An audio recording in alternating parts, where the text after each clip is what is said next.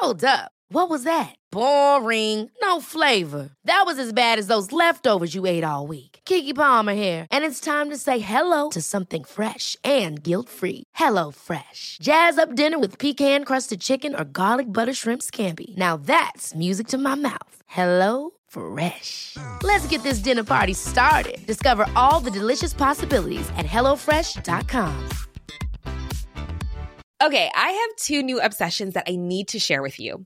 Impress No Glue Press On Manis and Impress Press On Falsies Lashes. Trust me, these are getting ready game changers. Both require no glue, so there is no damage to your natural nails and lashes, no mess, and no annoying dry times.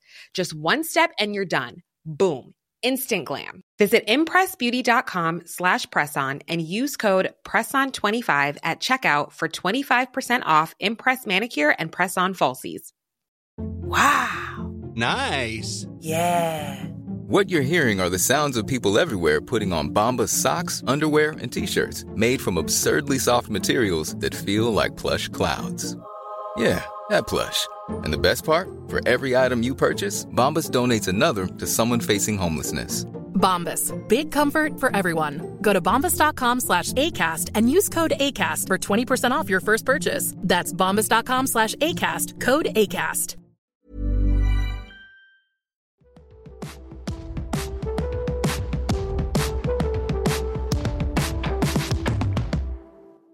Välkomna till krönikörerna. Hej Elin. Hej Hugo. Hur mår du? Bra, varit på utvecklingssamtal. Min 13-åring höll i det som de ska göra. Och hade ormskinnsboots. Jag hade ja, lite raffig mamma sådär. Ja, härligt. Nej men jag känner mig stolt över honom och eh, glad idag. Du då? Uh, helt okej, lite den här känslan av otillräcklighet och inte riktigt hinna med allting. Men det är lov ganska snart så det blir ganska skönt. Mm. Gud vad man längtar. Um, krönikörerna, vår premiss måste ändå alltid dras. Vi kommer med två idéer som vi pitchar till den andra och så väljer den ut en idé som man rullar på. Har det varit eh, svårt att hitta den här poddens idéer? Nej. Aldrig. Visst är det inte det? Det bara finns jävligt mycket idéer. Jag har börjat med ett block uh -huh. där jag skriver ner alla idéer jag har. Jag är uppe på, det är hundratals nu alltså. Oj, oj, oj. Ja, vi kommer behöva fortsätta med den här podden i åratal. Vet ja, du det? Vad härligt. Ge mig dina två som du har tänkt till idag. Ja, men den första spaningen handlar om varför vissa eh, föräldrar använder sina barn som accessoarer. Mm. Och varför detta otyg måste upphöra omedelbart. Mm. Och den andra spaningen är en väldigt personlig sådan som egentligen handlar om vad det är att vara en god människa. Och varför det ibland blir helt fel när man bara vill göra rätt. Ja, men you had med att personligt, det måste ju vara personligt för att det ska vara kul. Så rulla på tvåan tycker jag. Okej. Okay.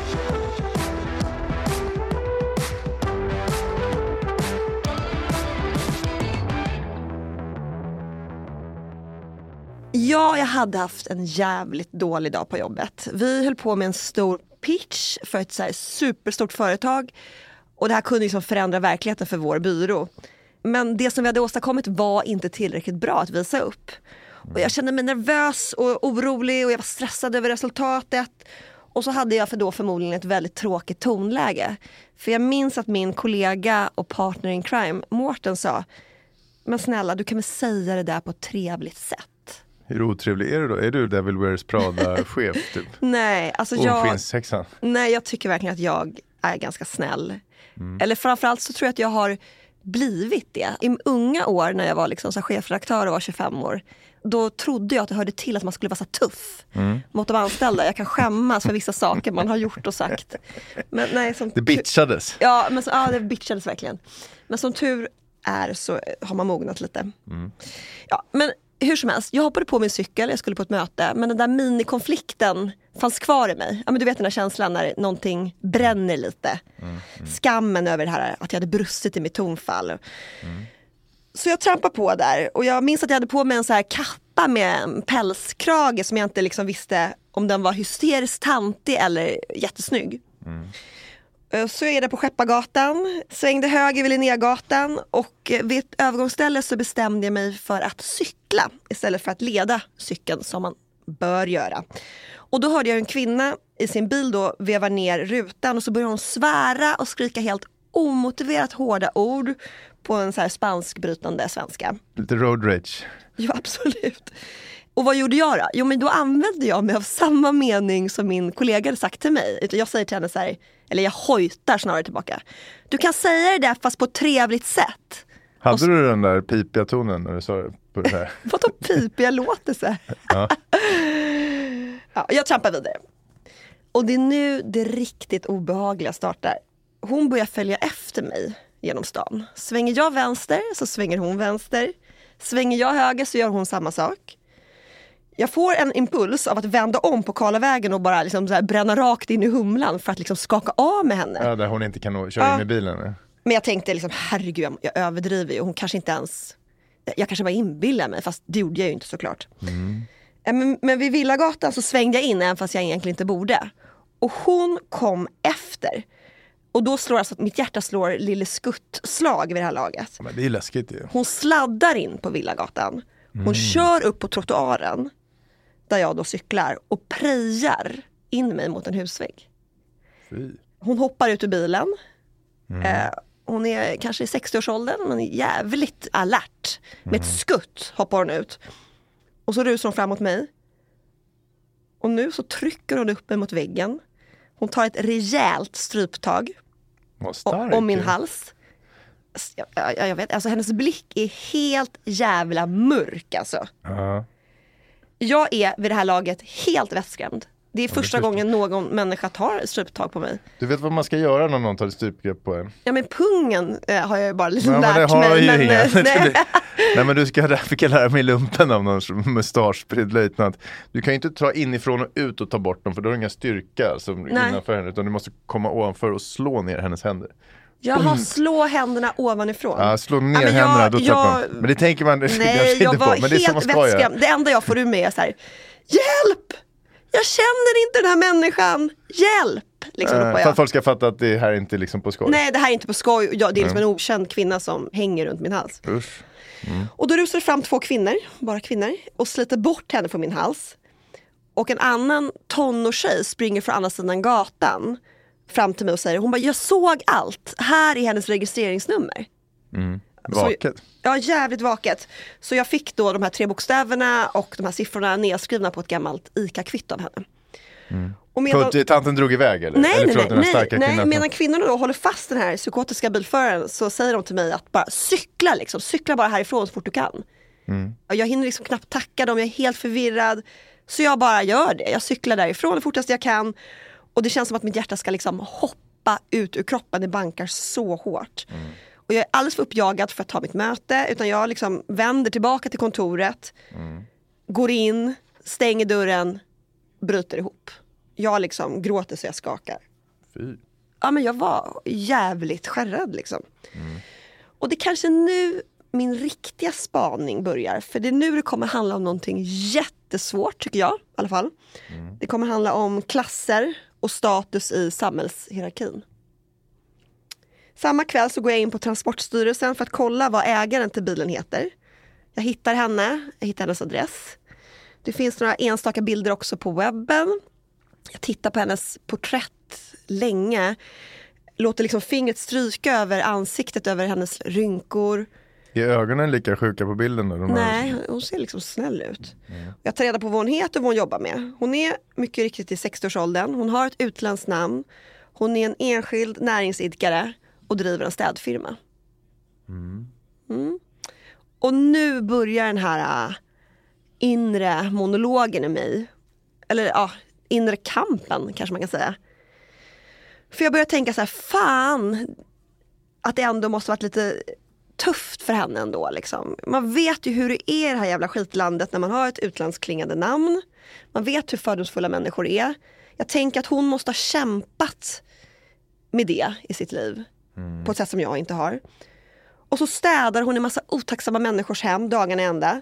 Det är klart att det måste liksom bubbla över någon gång då och då. Hon hade säkert också haft en aspissig dag, precis som, som jag hade haft. Och då kanske det inte är så konstigt att jag får symbolisera den här Östermalmshäxan som hon säkert hade varit och städat precis hos. Med pälskragen som du Ja. där. Mm. Så vad gjorde du då? Ja, men det är då jag fattar beslutet att nej, men jag ska inte polisanmäla henne. För att det skulle liksom vara ja, men lite som att trampa på någon som ligger. Jag, liksom istället, jag förlåter henne. Hon kanske hade jättestor städfirma och... Nej, men hon var en, alltså, det var bara hon. Okej. Det hade jag kollat upp. Jag fattar. Exakt, för jag menar precis, det är ju mycket riktigt, man kan ju vara mångmiljonär på en lyckosam städfirma, så det har du helt rätt i. Nej, men jag började också tänka på vilka följder en polisanmälan hade fått för hennes liv. Tänk om hon hade förlorat sin business. Jag menar det är ganska svårt idag att få en anställning som 60-årig kvinna. Ja, men jag minns att jag, den kvällen gick jag och la mig och liksom kände mig som en god människa. Jag fick liksom lite Jesus-vibbar helt enkelt. Jag var en människa fylld av empati och med förståelse. Jag kunde förstå hur lyckligt lottad jag var i livet. Och jag kunde också se att hon hade haft det annorlunda. Jens, kan vi få en varningssignal här? För jag tror en polett håller på att landa lite i, i mig, men jag tror att jag behöver din hjälp Hugo. Ja, men Ja, men jag letar Ja, det känns ju som så här white guilt, att du har kollektivt ansvar för allt det dåliga, alltså rasism och skit som människor med andra hudfärger utsatts för. Nu tolkar jag fritt, men det känns ju som felriktad godhet. Vad fan, hon är ju en samhällsfara kanske. Nästa vecka kanske inte hinner fram någon hjälp till Hon får samma road rage och ska strypa någon som säger till henne. Så, så eh, jo, men- ja, det, ja. låter ju inte som ett Nej, jätteklokt beslut, jag, även om jag fattar det. Men, ja men det är lite det jag börjar landa i. Och, för jag börjar också leka med tanken på om det hade varit en man som hade jagat mig genom stan med sin bil, Mm. prejat upp mig mot husväggen, tagit strypgrepp. Alltså jag hade ju suttit på polisstationen inom några minuter. Eller tänk det här, det är en yngre... Sister, sisterhood. Ja, nej, men okej, det är en yngre kvinna då, i 30-årsåldern. Hon åker runt i sin Tesla. Hon kanske är läkare till yrket. Då hade jag också anmält. Jag hade Nej, tänkt så här, det kan hon ha. Det kan hon ta. Fattar du vad jag menar? Men bara för att jag kände att jag hade haft det mer förspänt, att jag var mer privilegierad då än den här kvinnan som städade så agerade jag annorlunda än vad jag hade gjort mot någon annan. Och det jag tänkt på att ett brott borde väl vara detsamma oavsett vem som begår det. Eller borde ju liksom bli, straffas på samma sätt. lagen och allt det där som i och Ja. för sig kanske inte alltid stämmer. Men, Nej det men, gör det fan inte. Nej, Men- jag, men jag tycker det är tycker- otroligt svårt, jag fattar att du gjorde så. Men, men, det är ju frågan är- verkligen så, här, är hon helt bonkers så, så kan det ju vara så att hon gör samma sak nästa vecka och då har du ju inte gjort Nej, samhället en verkligen. tjänst. Min fråga till dig är, var det en god eller ond gärning som jag gjorde genom att inte polisanmäla? Ja, men lite halvgod men ändå dum. Jag har inget hundraprocentigt så, jag fattar dig verkligen. Men jag, Hade man- hon sålt droger till min son, Mm. då hade jag anmält. Men jag tänker att det här drabbade ju bara mig och jag kan ju fan, jag kan ta det på något sätt. Mm, men det är ju också värre. Ja det är också väldigt konstigt. Men Hugo, hade du anmält henne då? Alltså så här, jag hade svårt att se det där scenariot spelas ut på samma sätt om det var jag och en 60-årig kvinna för det hade inte gått med strypgrepp. Nej, rent Hon hade fysiskt hade hon inte fi- vågat. Nej hon hade inte gjort det, om hon hade gjort det så hade det inte blivit läskigt på samma sätt. Men den relevanta jämförelsen var ju om det här hade varit en 60-årig man med städfirma som hade gjort det, för det hade ju gått alldeles utmärkt. Och ja, jag hade gjort det, Du hade anmält? Ja. absolut, det tror jag. Mm. Så god är jag inte. Nej, eller du kanske är god just precis därför. Ja. Ja. Men, och där får man tänka på att hela den här händelsen är så jäkla Ruben Östlundsk. Är det inte det? Det här är ju tio riktigt bra minuter i en kommande film. För är det någonting som han är duktig på tycker jag så är det ju att skildra klass och status och de här sociala hierarkierna som finns. Och människor som tror att de gör gott men det blir så fel ändå. Du tänker på Triangle of Sadness? Ja, jag tänker osökt på Triangle of Sadness. Och för den handlar ju om livet på, eller till stora delar handlar det om livet på en lyxyacht. Den bra delen av filmen handlar om eh, livet på en lyxyacht. Ja, del två. Och jag tolkar den här lyxjotten som en symbol för liksom klassamhället i stort. Högst upp på soldäcket har vi de superrika världsfrånvända gästerna. Och på däcket nedanför så håller personalchefen Paula ett peptalk i lite i stil med så Walmarts sektliknande morgonböner. Där hon liksom säger till personalen, att, eh, och de är då mestadels vita, att de alltid ska le och att de aldrig får säga nej. Ha, vadå, har alltså, kedjan Walmart, de håller morgonbön varje morgon, det känner inte jag till. Ja, jo, kolla på det, det är faktiskt ett Fan, kul vad tips. Men alltså med religiösa för man blir bön? Nej, till- nej, pep bön för att- talk, liksom. Bön för att sälja mycket Ja, junk till, till, till Ja. amerikaner, jag fattar. Och under jag, jag fortsätter med min liknelse då av, av Mm. jotten som ett eh, klassamhälle. Under då personalchefen och hennes personal så har vi då städarna och kockarna. Mm. De som ingen ser, de som ingen lägger märke till. Mm. Och längst ner under dem har vi då ja, maskinisterna helt enkelt, de som härjar i maskinrummet. Och de har ju i sin tur också mörkast hy av alla i besättningen. Så det känns som en ganska tydlig symbolik. Den är övertydlig symboliken. Det är väl det Tänkte som är du på det när du såg problemet, Kanske. Ja, eh, känner- jag känner att jag är typ lite smart här. Nej men jag tycker om, jag ska inte fastna i någon, men det är väl det, tycker jag, problemet med filmen, att den kanske är lite för övertydlig. Ja, jag tror att det, att det måste att vara så för att få lång. fram en poäng. Ja, men i filmens sista del så får vi följa några av de här människorna då som blir strandsatta på en ö efter att den här jotten har förlist. Och ombord på båten så finns ju då miljardärerna men det finns också eh, båtens toalettstäderska som heter Abigail. Och i kampen om överlevnad så kastas de här hierarkierna väldigt snabbt omkull. Hon kan väl göra upp eld och lite sånt Ja där, men exakt. kan. Den filippinska toalettstäderskan är den enda gruppen som kan fiska och göra upp eld. Och då är liksom Rolex-klockor och feta bankkonton inte ett skit värda. Nej, Nu är hon, hon- blir, hon blir king of the castle. Ja, hon blir herren på täppan. Och utan att spoila för mycket för er som kanske inte har sett den så kan man ju säga att hon hanterar inte det jättesnyggt. nej, inte direkt. Den här nya statusen gör inte henne till en bättre Nej, människa om man säger så. en, en konstig diktator-tyrann. Jag frågade min bästa kompis Gorana om hon skulle ha polisanmält den här händelsen. Och hon tvekade inte en sekund. Hon bara, självklart, vi är båda invandrarkvinnor och man måste fan bete sig, sa hon. Så jag landar i, precis som du sa, att det här handlar nog egentligen om min skam. Min skam att jag har fått så mycket gratis, att jag har haft så mycket förspänt.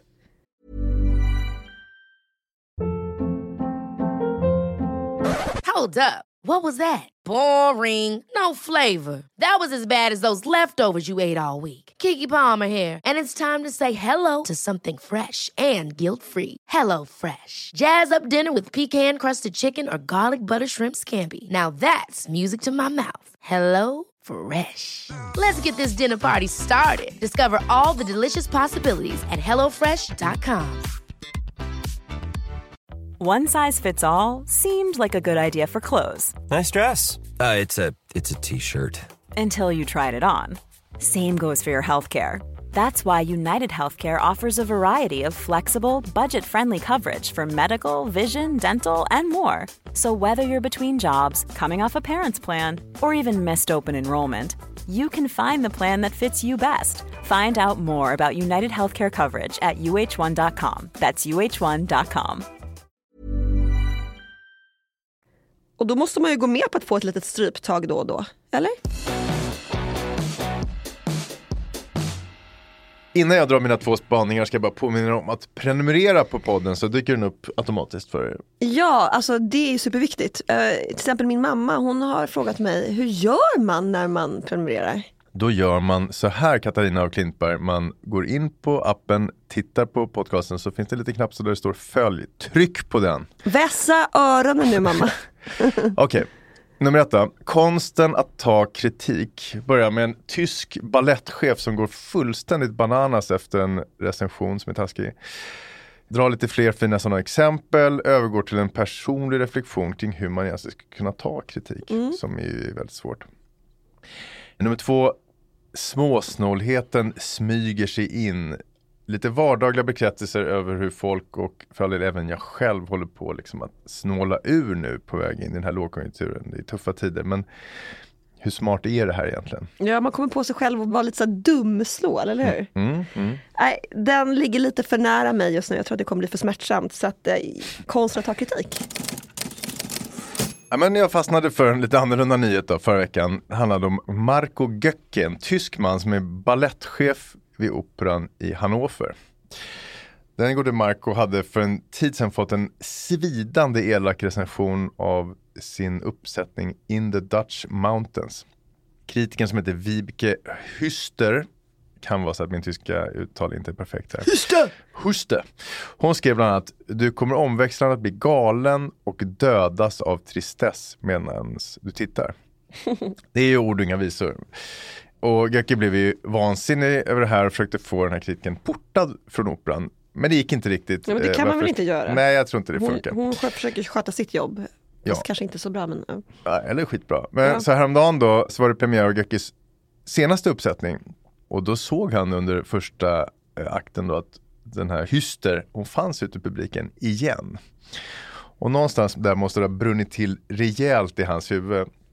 För i pausen så gick han ut i foajén, gick fram till kritiken, tryckte en påse hundbajs rätt i ansiktet på henne. Han mulade henne i skit Alltså, helt enkelt. otroligt eh, överraskande. Ja, men den är överraskande. Ehm, Den såg man inte komma. Och det här blev väldigt stort i Tyskland. Vi kanske kan lyssna lite på tyska medier hur det lät när man rapporterade om det. Der Ballettchoreograf Marco Göke hat wenig zimperlich auf eine harsche Kritik an seinem neuesten Werk reagiert. Während der Pause einer Premiere an der Staatsoper Hannover beschmierte er die FAZ-Kulturkritikerin Wiebke Hüster mit Hundekot im Gesicht. Ja, men som sagt, det här blev jättestort i Tyskland. Händelsen polisanmäldes, journalistkåren fördömde förstås agerandet. Självaste kulturministern kände sig manad att gå ut och i pressen och kalla beteendet för oacceptabelt. Kan också känna så här, just hundbajs, du vet hur länge det sitter. Alltså doften av hundbajs är vidrigt. är ju, men kunde de inte inte tagit eh, hästbajs? Vi lämnar den där Ja. bajsanalysen där hem då. Nej, men det är kul med sånt där. Hemma i Sverige har vi också haft vår lilla beskärda del av kulturpersonligheter som Men jag måste bara få säga en sak om den här killen. Ja. Alltså, har du googlat honom? Marco? Eh, ja, det har jag ju såklart. Jo men hur han ser ut menar jag. Nej, jag är inte så Jo fast jag inte tänkte ju honom som någon så här överviktig gammal gubbe liksom med en vitt skägg. Nej men killen är ju ung, snygg. Äh, man bara känner så här. Va? Det, gud vad, det, kritik borrar sig in i alla hjärtan. Det är lite Jo, det jag vill komma självklart. till. Ja, men det bara känns Även i vackra människors hjärtan. nej, men det handlar inte om, jag, jag hade ju bara inte tänkt honom att han skulle se ut så. Ah, nu tänker jag mig att det skulle vara en ensam liten tovig kultursak som Ja, satt där. Mm, ja jag blev förvånad. Jag fattar. Nej, men, eh, vi har ju haft en del av sånt här i Sverige också som är lite kul. Men, kommer du ihåg eh, beefen mellan Petter och Fredrik Strage som var på 90-talet? Ja men just det, jag jobbade ju med Strage på Pop där. Eh, Ja, Mm. och det här var i tidningen Pop tror jag. Strage recenserade Petters debutalbum Sjätte sinnet och i Pop och beskrev texterna som självgoda Ernst Brunner-rhymes. Det är väldigt roligt. Ja, och taskigt. Man kan ju fatta att det gör Jag ont. vet, alltså det är det som är så himla dubbelt. Söderromantiken Brunner. Alltså det är ju väldigt roligt att läsa en välformulerad sågning men man får ju inte glömma bort personen som står bakom som verkligen har kämpat med Nej, sitt, sitt eller alster. så är det ju det som kritiken ska glömma bort. Men det här är ju svårt liksom. Ja, fast ibland känns det som att kritiker bara vill skapa en härlig poäng och framstå som en jävligt vass skribent själv. Ja men så är det och redaktörerna på tidningarna älskar de här för det är, blir väldigt läst. Ja, ja men ta Linda Antingen Skugge. hyllningar, hyllningar, så ettor och femmor blir ju superläst och superklickat. Ja, men Linda Treor, Skugge har gjort till en konstform att skriva elaka sågningar. Ja. Och även Jane Magnusson är extremt duktig på det. Eh, Mm. Hon är mer sansad dock. Men eh, ja, Ja men den här Petter och Strage-grejen ledde till att de träffades någon gång på en nattklubb och det blev jidder och det ska ha slutat med att Petter tryckte upp Strage mot väggen. Det är ju inte bajsmulningsnivå men det är inte helt balanserat nej, jag, med tanke på vad jag precis berättade så I feel for Strage. Det är inte kul att bli upptryckt mot väggen. Nej, nej. Tror att han polisanmälde? Nej, Nej. det tror jag inte. De har Ja. väl kompisar idag. Det finns någon liknande story om Marcus Birro. Han känns ju inte heller så balanserad. Han fick någon taskig bokrecension någon gång. Då ringde upp någon, en journalist på Borlänge Tidning och kallade honom för bögjävel. Rätt och Ja, slätt. det är moget. Ja, Men ja, har du är sett den här filmen eh, The Birdman? Ja, med Michael Keaton. Ja men Michael Keaton spelar den här skådespelaren då som håller på med sitt eh, mästerverk och han sliter. Ja. Och så ser han då den här recensenten sitta, jag tror att det är dagen innan liksom, och hon sitter typ redan och skriver på någonting. Eh, som han uppfattar det. Alltså han slåss ju mot sina demoner i hela den här filmen. Det är ju en film som handlar om att han blir mer och mer galen helt enkelt. Och så går han fram till den här snipiga lilla recensenten och så säger han till henne så här You risk nothing. Och det är ju så. Han har hackat upp sitt eget hjärta och lagt upp den på ett fat och hon kan med bara en mening sänka allting. Det är så jävla svårt. Så är det. Och man, vissa säger så här, det finns de som gör saker och så finns det de som tycker saker om de som gör. Men det är ju en sanning med modifikation för att kritiken gör ju också något. Den där lilla jävla recensionen är ju också ett litet konststycke om än i mindre variant. Så att den, jag vet inte, det är, så svartvitt tycker inte jag att det är riktigt. Men jag måste ändå dra den mest pikanta historien som jag känner till i alla fall om en svensk kulturmänniska som inte riktigt fixade kritiken. Det är komikern Kringland Svensson, minns du det? Ja, ja, ja. det var väl sju, åtta år sedan Viktor Malm som numera är kulturchef på Expressen hade recenserat en bok som Kringlan var medförfattare till och recensionen publicerades i Aftonbladet. Och där står bland annat, jag gläds över boken, men kanske framförallt för att författarna lämnar sin simpla whiteboard-satir hemma. och det Viktor Malm åsyftade med de orden, det var podden Lilla Drevet som Kringlan var del av. Som jag för övrigt tyckte var väldigt bra. Mm, men det eh, som Aftonbladet stod bakom på något sätt. Den formuleringen fick Kringlan att gå i taket. Han twittrade att Viktor Malm borde få ansiktet sönderslaget och sen sa han i en intervju att man borde dra en yxa i fittan på Åsa Linderborg. Åh, det är så Som, som då var plumpt. Aftonbladets kulturchef. Ja, så jävla dumt. Här är vi ju på bajsmulningsnivå ändå. Ja, Sammanfattningsvis kan man säga att ingen av de här männen kommer skriva självhjälpsboken Konsten att ta kritik. Nej. hur? Men hur är det med dig? Kan du ta kritik på något bra sätt? Nej, alltså jag tycker det är skitjobbigt att få kritik och eh, alltså jag kan maskera det bättre idag. Mm. Jag går inte till anfall, men du då? Som man gjorde när man var yngre.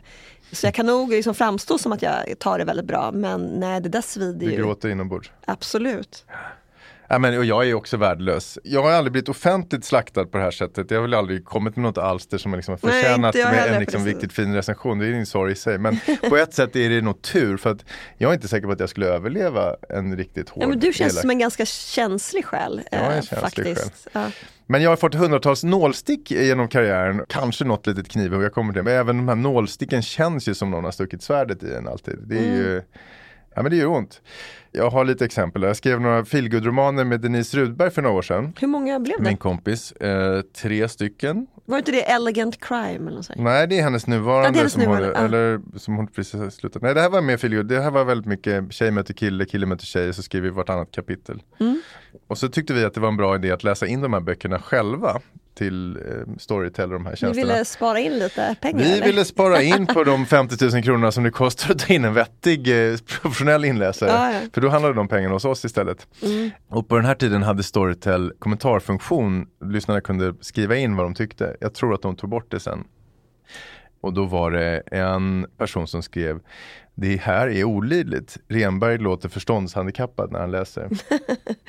Ja, det, Kära sånt lyssnare, hör av er. Ni, ni kan ju bedöma det här själva som Nej, har men där och biter sig fast i det med kritik. Man glömmer det ju aldrig. Nej. Eh, En annan när vi lanserade Perfect Guide i svenskan för första gången. Då fick jag ett handskrivet brev av en kvinna. Hon var rasande. Jag var hela orsaken till ytifieringen av samhället och nu skulle jag dessutom förstöra hennes morgontidning, en av landets stoltaste. Och det var ju inget särskilt balanserat brev, det var liksom ryckig, konstigt, bara handstilen var så här ryckig och En sinnessjuk. galen människa. En galen människa. Men sen avslutade hon sitt brev med eh, Jag vet vem din pappa var, han hade skämts över dig. Fy fan vad och den lågt. visste ju var den satt. Den hade hon Aj. hittat akilleshälen. Han levde ju inte längre så jag kunde inte ens ringa och fråga om han hade rätt. Ehm, Usch vad elakt. det här är ju lite extrema exempel, de är Ja, men svåra. de förstår jag att du inte glömmer. De är svåra att värja sig mot. Men generellt är det ju intressant att ställa sig frågan hur fan ska man lära sig att ta kritik? Mm. Och går det? Jag vet när jag blev eh, chef för första gången, då fick jag en bok av min polare Micke, som var, han var chef på ett stort svenskt modeföretag och intresserad av ledarskap och sånt där. Den hette How to win friends and influence people, skriven av amerikanen Dale Carnegie. Men gud vad intressant, är den en liksom, du vet den här boken, romanen How to lose friends and alienate people? Ja, det är en, Han har- en är en lek med lek den. med den här boken. Lek, ja, det är en lek. För- jag den här- visste inte att det var en Nej, lek. den How to win friends, det är liksom en av världens Det är en 10-20 mest liksom. sålda böcker. Ja, ja. det, mm. Den är 100 år gammal men folk tjackar den fortfarande. Och den är väldigt klok. Och en sak han skriver då att det är bara som ledare då, det är egentligen bara positiv feedback som fungerar. Alltså, vi är inte mottagliga för negativ det skapar mest bara ångest. Nej men eller hur, visst är det så? Ja, det förgiftar liksom livet i största allmänhet. Sen går det ju inte med bara på att du måste ju någon gång säga till, men då finns det någon grundregel. 80% av all feedback måste ändå vara positiv. Ja men det där låter ju som den här fantastiska barnboken som jag vill tipsa alla barnföräldrar om att läsa, som heter Fem gånger mer kärlek av Martin Förster. Har du läst den? Nej. Ja, men den är faktiskt riktigt bra. Den handlar om att ja, absolut måste vi liksom tillrättavisa våra barn men om vi gör det så måste vi också ge dem liksom fem gånger mer kärlek. Alltså så måste fördelningen se ut mellan Ja men det låter ju mm, typ som samma slags ekvation, Ja, 80-20-ish. Och inför dagens övning här med dig så kollade jag lite en annan bok av en psykolog som heter Harriet Lerner. Och som också handlar om vår förmåga att ge och ta kritik. Den heter Why Won't You Apologize? Och hon bekräftar ju min misstanke. Det finns ju inte en jävla människa som är bra på att hantera oönskad negativ feedback. Nej, alltså jag tänker, vem är man då om man inte bryr sig om Nej, det? men jag har alltså, kanske det... tänkt att folk med så här jättesolid självkänsla ska gilla det där och jag utvecklas av hej och hå. Men, men, Men det är in- inte ens de där jävlarna utan alla hatar kritik. Ingen vill känna skam, ingen vill känna att den riskerar att bli utesluten ur flocken. Nej, Det är så, så allmänmänskligt. Ja, det suger. Så att jag ordagrant, min, att jag ordagrant minns de här gamla påhoppen, det är ju helt normalt. Det finns ett fint gammalt ordspråk som säger Låt inte komplimanger stiga dig åt huvudet eller kritik borra sig in i ditt hjärta. Just Det är ju fint. Jag såg en jävligt härlig kudde, får jag bara säga vad det står på den? Ja, Det är inte jag som är barnslig, det är du som är en bajskorv. ja jättefint. Ja, ja, men det är ju som med min också, det här är ju mycket betydligt lättare att brodera in det här på en kudde Ja. än att leva efter. Men sen har hon ändå lite konkreta grejer hur man ska kunna hantera kritik. Jag tycker ändå det är värt att, att kika på. Och en är att man inte ska gå i försvarsställning utan att man faktiskt ska andas och lyssna lite och inte hugga tillbaka. Inte den där mendura som är det instinktiva Nej, eller att lyssna efter det kanske lite dumma kritiken och kunna slå bort sig. Utan jag har en ganska bra sak där som jag gör, det är min lilla vovve Bob. När eh, min fru inte står ut med mig och känner att positiv feedback inte funkar utan hon exploderar i att det var fyra månader sedan jag tömde diskmaskinen eller jag är så hopplöst självupptagen. Mm. Då svarar jag inte utan då tar jag min lilla svarta vovve och så går vi ut och går.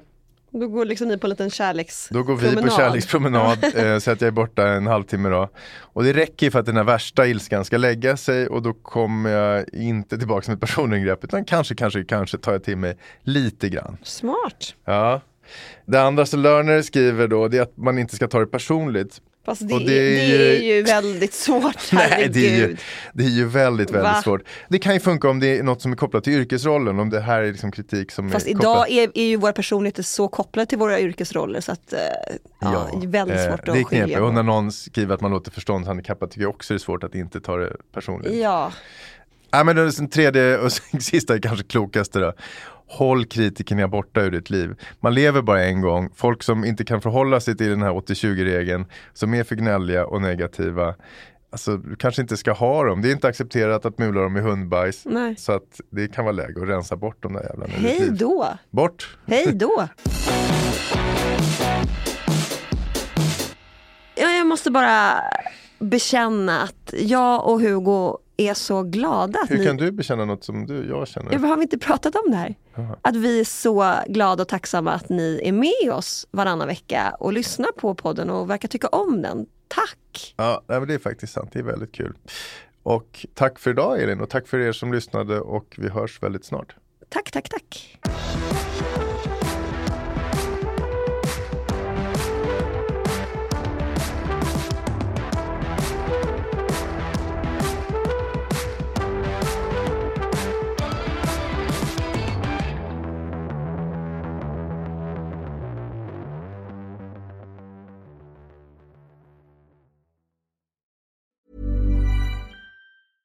Selling a little or a lot? Shopify helps you do your thing however you cha-ching. Shopify is the global commerce platform that helps you sell at every stage of your business. From the launch your online shop stage to the first real life store stage, all the way to the did we just hit a million orders stage. Shopify is there to help you grow. Shopify helps you turn browsers into buyers with the internet's best converting checkout. 36% better on average compared to other leading commerce platforms because businesses that grow grow with Shopify. Get a $1 per month trial period at shopify.com/work. shopify.com/work. Planning for your next trip? Elevate your travel style with Quince. Quince has all the jet-setting essentials you'll want for your next getaway, like European linen, premium luggage options, buttery soft Italian leather bags, and so much more. And it's all priced at 50 to 80% less than similar brands. Plus, Quince only works with factories that use safe and ethical manufacturing practices. Pack your bags with high-quality essentials you'll be wearing for vacations to come with Quince. Go to quince.com slash trip for free shipping and 365-day returns. Hold up. What was that? Boring. No flavor. That was as bad as those leftovers you ate all week. Kiki Palmer here, and it's time to say hello to something fresh and guilt-free. Hello Fresh. Jazz up dinner with pecan-crusted chicken or garlic butter shrimp scampi. Now that's music to my mouth. Hello Fresh. Let's get this dinner party started. Discover all the delicious possibilities at hellofresh.com.